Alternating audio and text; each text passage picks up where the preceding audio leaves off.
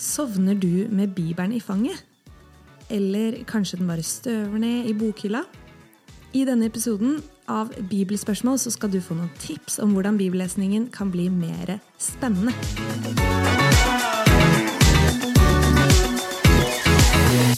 Har du noen gang lurt på om Bibelen er kvinnefiendtlig? Om Jesus var uenig med Paulus, eller hvorfor det er så vanskelig å lese i Bibelen? I denne podkasten finner du spørsmålet som alle lurer på, ganske mange lurer på, men som kanskje er litt eh, ubehagelig å stille. Og I dag Kristoffer, så skal vi snakke om hvorfor det er så vanskelig å lese i Bibelen. Det, det skal vi. Og eh, vi skal begynne litt med å si eh, Se litt på bibelforskning, rett og slett.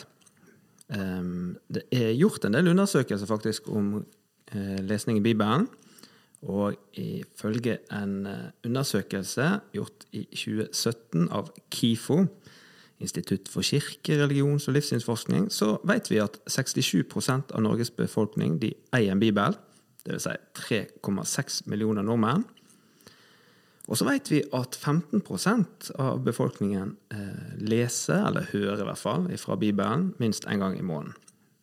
Så det betyr eh, rundt 800 000 nordmenn. da. Men da gjelder det òg opplesninger i kirka og osv. Og, og så har eh, vi i, eh, som har skrevet en bok som heter 'Ni spørsmål fra unge om Bibelen', eh, vi har gjort en spørreundersøkelse blant 100 ungdommer. da. Og den viser samme tendensen, at folk møter Bibelen sånn i ny og ne. Men det som var litt interessant, var at de fleste de oppga at de ønsket å lese mer i Bibelen enn det de gjorde allerede. da. Og så hadde vi et spørsmål på eh, hvorfor en ikke leste mer enn en gjorde. da. Mm. Og Da er det to ting som går igjen. Og Det første var at det er vanskelig å forstå det en leser. Det kan jeg jo kjenne meg igjen i. Og nummer to kan jeg òg kjenne meg igjen i, og det var at det er kjedelig å lese. Så det er jo noen store utfordringer, da. Mm. Men det er faktisk òg utfordringer vi kan gjøre noe med. Og så er det selvfølgelig andre årsaker òg. Mm. Spennende. Det her, ja. blir, det her, blir, en interessant episode, føler jeg på meg. Men først så kan vi jo si litt hvem vi er, introdusere oss sjøl, så du som lytter vet hvem du hører på. Jeg er 25 år gammel, bor i Oslo med mann og to sønner. Det er bare tull, for jeg er singel 25-åring fra Skien som er oppvokst i en musikalsk familie. Eh, faren min driver med musikk på fulltid, så barndommen har vært prega av mye reising og sang og musikk. Mm. Um, og nå for eh, er, Hvilken dag er det? Det er torsdag i dag, da. Ja. Så på mandag så leverte jeg master for eh, etter fem år i lærerutdanning. Hvor er knappen for applaus? Ja, det, vi, vi må klappe litt sjøl. Så, så, det er veldig stas å ha fullført fem år i lærerutdanning. Mm.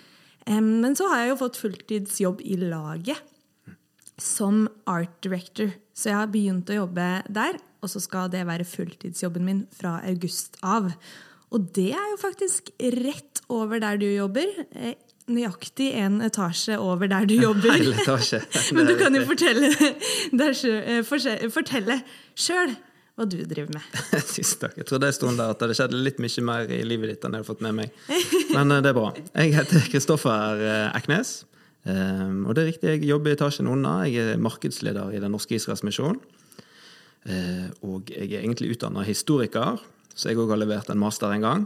Og jeg kjenner Veldig følelsen uh, Vi får ja. klappe for det. Ingen teologer i rommet, men det er greit. Uh, og har egentlig en ganske stor interessehorisont. Og så har jeg vært redaktør for boka 'Ni spørsmål fra unge om Bibelen', som denne podkasten tar utgangspunkt i. Og jobber masse med undervisning om Bibel for bibelskoler, folkeskoler osv. Og så driver jeg en del med foto uh, og video og podkast. Og det er jo egentlig sånn vi komme i snakk om denne boka, faktisk. For vi har jo faktisk jobba i lag. Mm, det er sant. På sensommeren. yes. Jeg var fotograf, og du var videograf i, I et bryllup. Helt rett. Og mm. det fungerte godt. Og eh, ja. Det var jo sånn vi kom i snakk om denne eh, boka òg, da. Som vi skal komme tilbake til. Men det er podkast nå, og eh, denne podkasten er jo eh, lagd for noen spesielle, Josefine. Altså, jeg tenker at eh, vi kommer til å by på ting som eh, de som leser i Bibelen generelt, kommer til å ha nytte av. Viktig med litt sånn eh, selvtillit der, at vi har noe å komme med til akkurat deg. Og så til dere som har bibelgrupper og tar i bruk denne boka her. Så eh, altså denne nye spørsmål eh, Fra unge om Bibelen. Akkurat. Det er ikke så lett å huske den tittelen. Altså. Nei, men det er fin tittel, altså. Det, det er det. Og så, eh, ja, for dere som leder eh, gruppesamtaler. Bibelrelaterte gruppesamtaler. Mm, det er riktig. Nei, Skal vi oppsummere boka litt før vi eh, begynner med spørsmål? Kjør på. Det kan vi gjøre. Det, det første kapittelet det handler jo rett og slett om hvorfor er det vanskelig å lese Bibelen. Og det er det jo mange grunner til, selvfølgelig. Eh, men eh, den handler litt om hvorfor det er vanskelig, og så gir han oss noen tips. Da. Og de tipsene kan jeg oppsummere her. Veldig fint. Ja, ikke sant? Og det første tipset jeg får, det er rett og slett senke forventningene. Eh, noen ganger, det merker jeg i hvert fall når jeg reiser rundt eh, og møter unge spesielt, så når en leser i Bibelen, så har en forventning om at det er en møte det skal liksom inspirere med en gang. Da, og liksom, nå skjer det noe. Eh, men det er ikke alltid sånn, da.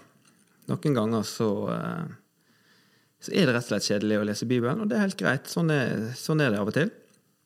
Men på lang sikt så tror vi at, eh, at eh, det å lese Bibelen, det endrer livet sitt. da. En merker kanskje ikke med en gang, men sånn Hvis du har to parallelle linjer, og den ene går litt eh, til høyre, holdt på å si, så på lang sikt så vil den vike langt vekk. da. Og det er på en måte poenget. Retningen. Det kan jeg skrive under på, som nettopp har, eh, har skrevet master i matte på Ja, ja. dette punktet. Så, eh, så det stemmer fra et eh, ekspertperspektiv, da. Det Mm. var godt å ha med en sånn fagekspert òg. Ja, matematiker. Ja, ja. Nei, og så den andre. Det er tominuttersregelen, og det er for å hjelpe å komme deg i gang med bibellesning. Hvis du har lyst til å lese mer, men du merker at det er, det er vanskelig å komme i gang, så sett deg ned, slå opp boka hvor enn du har tenkt å begynne, og så setter timeren på to minutter, og så bare legger du den vekk, og så leser du til alarmen går. Og når den har gått, så bare går du. Da er du ferdig. I hvert fall hvis en begynner med det en stund, så bygger en en vane, da. Og så kan du jo risikere at det er eh, spennende. Du kan faktisk det. Ja. Mm. Så eh, en kan- Warnings. Warnings. Holdt på å si do not ikke gjør dette hjemme, men jo, gjør dette hjemme. For all del. Skal vi se. Og så det tredje, det er les overskrifter. Og det er en studieteknikk som rett og slett eh, Hvis du vet at du skal lese et kapittel, f.eks., så begynn med å bare lese overskriftene, så skjønner du litt hva som skjer, og så kan du lese etterpå. Eh, Det fjerde det er lag dine egne tidslinjer. Da kan du begynne bak i Bibelen med å bare skisse de tidslinjene som allerede er der. Eller så kan du prøve underveis å gjengi liksom, hva skjer hva tid, og sånn, når du har lest det. Eh, Og det henger sammen med det siste, som er gjør notater underveis. For hvis du gjør notater, og da mener jeg eh, for hånd med en blyant på papir, så aktiviserer det deler av hjernen som eh, blant annet gjør at du husker mye bedre. Da. Så ja. Så det er, det er veldig lurt, faktisk. Det merket jeg i hvert fall på studiene sjøl. Nei, men det var, det var kort oppsummert. Så senk forventningene. Tominuttersregelen. Les overskriftene. Lag dine egne tidslinjer. eh, Og gjør notat underveis. Og så har vi da selvfølgelig noen spørsmål bak i boka. Så kjekt. Ja, og de er, de er liksom til bibelgruppa. sånt. da. Så vi skal prate litt eh, sammen om det. Og Josefine, spørsmålet går direkte til deg. Ja. Hva hindrer deg i å plukke opp Bibelen og begynne å lese? Og det er em, jo Altså, jeg har skrevet tid i mine, mine notater, da. For um, tida, den går, og jeg tror veldig mange kjenner seg igjen i at dagen har litt få timer. Um, man tenker kanskje at man vil ha Jeg er veldig veldig glad i søvn. Hele min familie vet at det er noe jeg verdsetter. uh, og ofte så leser man jo da Bibelen enten på kvelden eller på morgenen. Og da kan jo det gå utover søvnen på ene eller andre sida av, eh, av natta, da.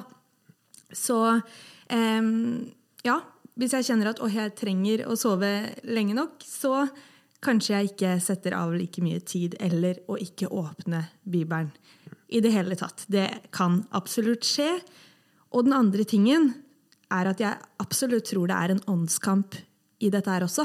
At det er en luring som ikke er interessert i, eller som ikke vil at jeg skal ha en relasjon med Gud, en levende relasjon med Gud.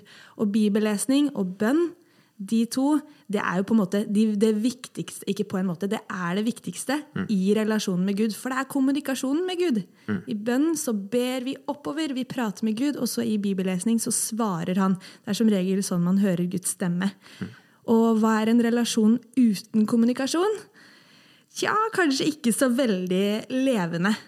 Så det er faktisk en ting som, som eh, det, Ja, det hindrer meg. Og så når jeg er obs på det, så motiverer det meg. Å mm. oh ja, han har lyst på det. Han skal ikke få vilja si! jeg tar den to minutters eh, eh, ja, lesninga. Ja.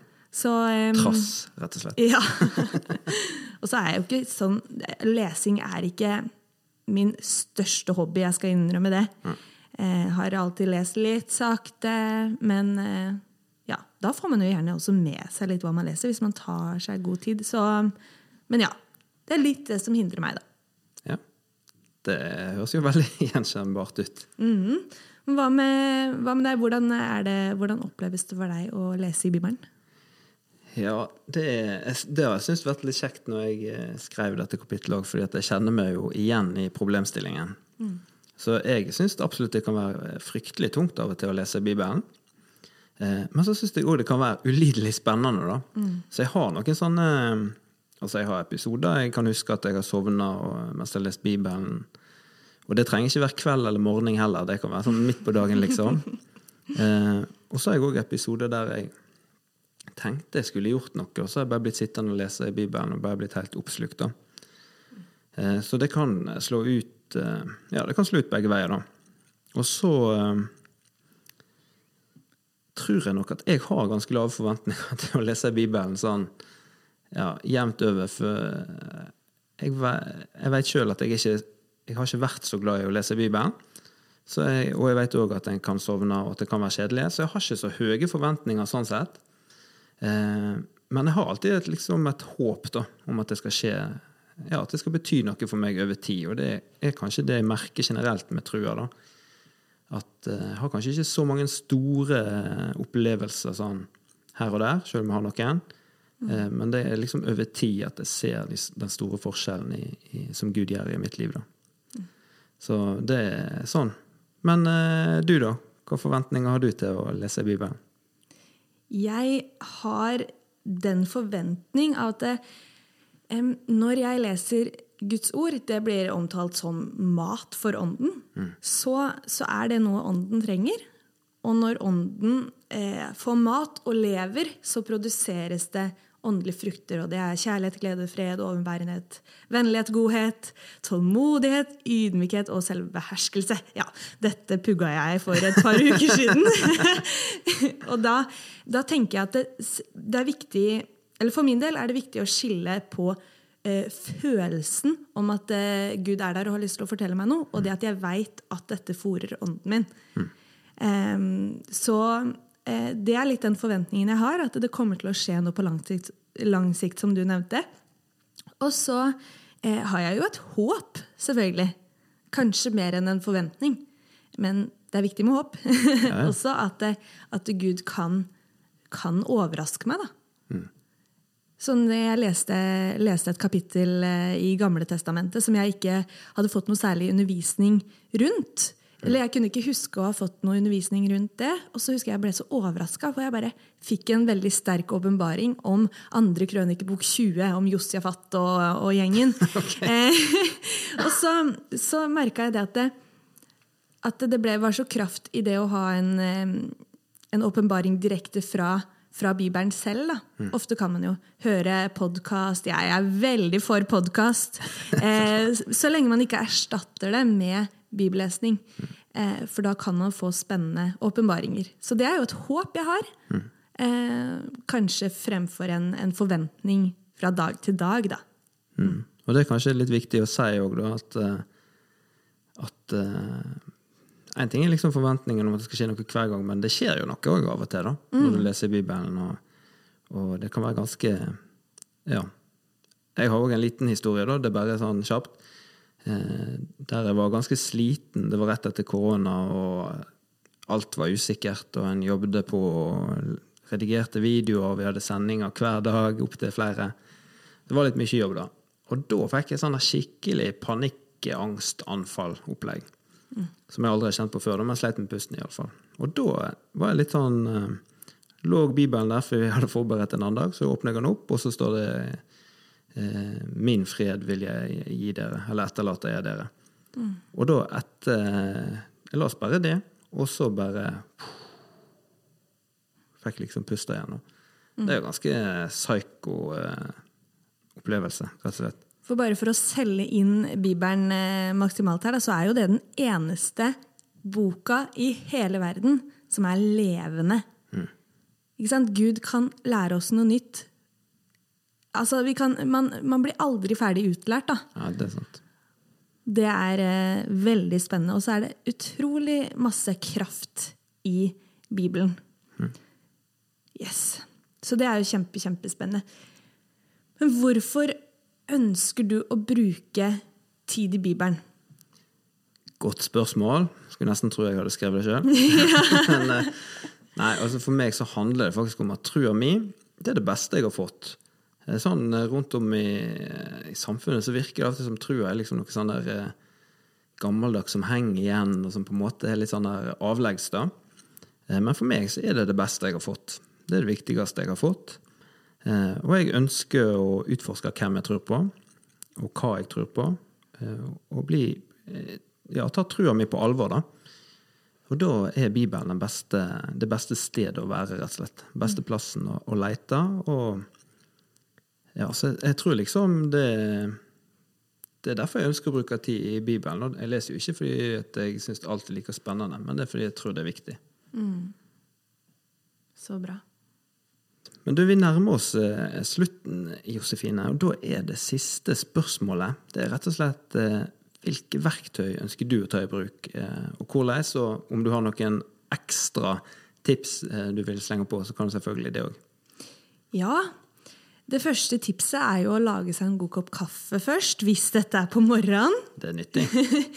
um, av disse, disse, verktøyene som du nevnte, da, så er jeg veldig glad i å ha en eh, notatbok ved siden av. Det er ikke alltid jeg eh, noterer underveis, men eh, spesielt hvis jeg noterer ned bønner i en egen bok jeg har for å skrive ned bønner, så liker jeg etterpå å skrive ned bibelvers som er relatert til disse bønnene. For da opplever jeg at Gud svarer direkte der. Og så, eh, som jeg nevnte, at Bibelen har, har kraft. da. Så, så, så, føler jeg at den Ja, at bønnen bare får mye mer kraft når det er eh, understreka av noe Gud har sagt om denne saken. Så eh, ja.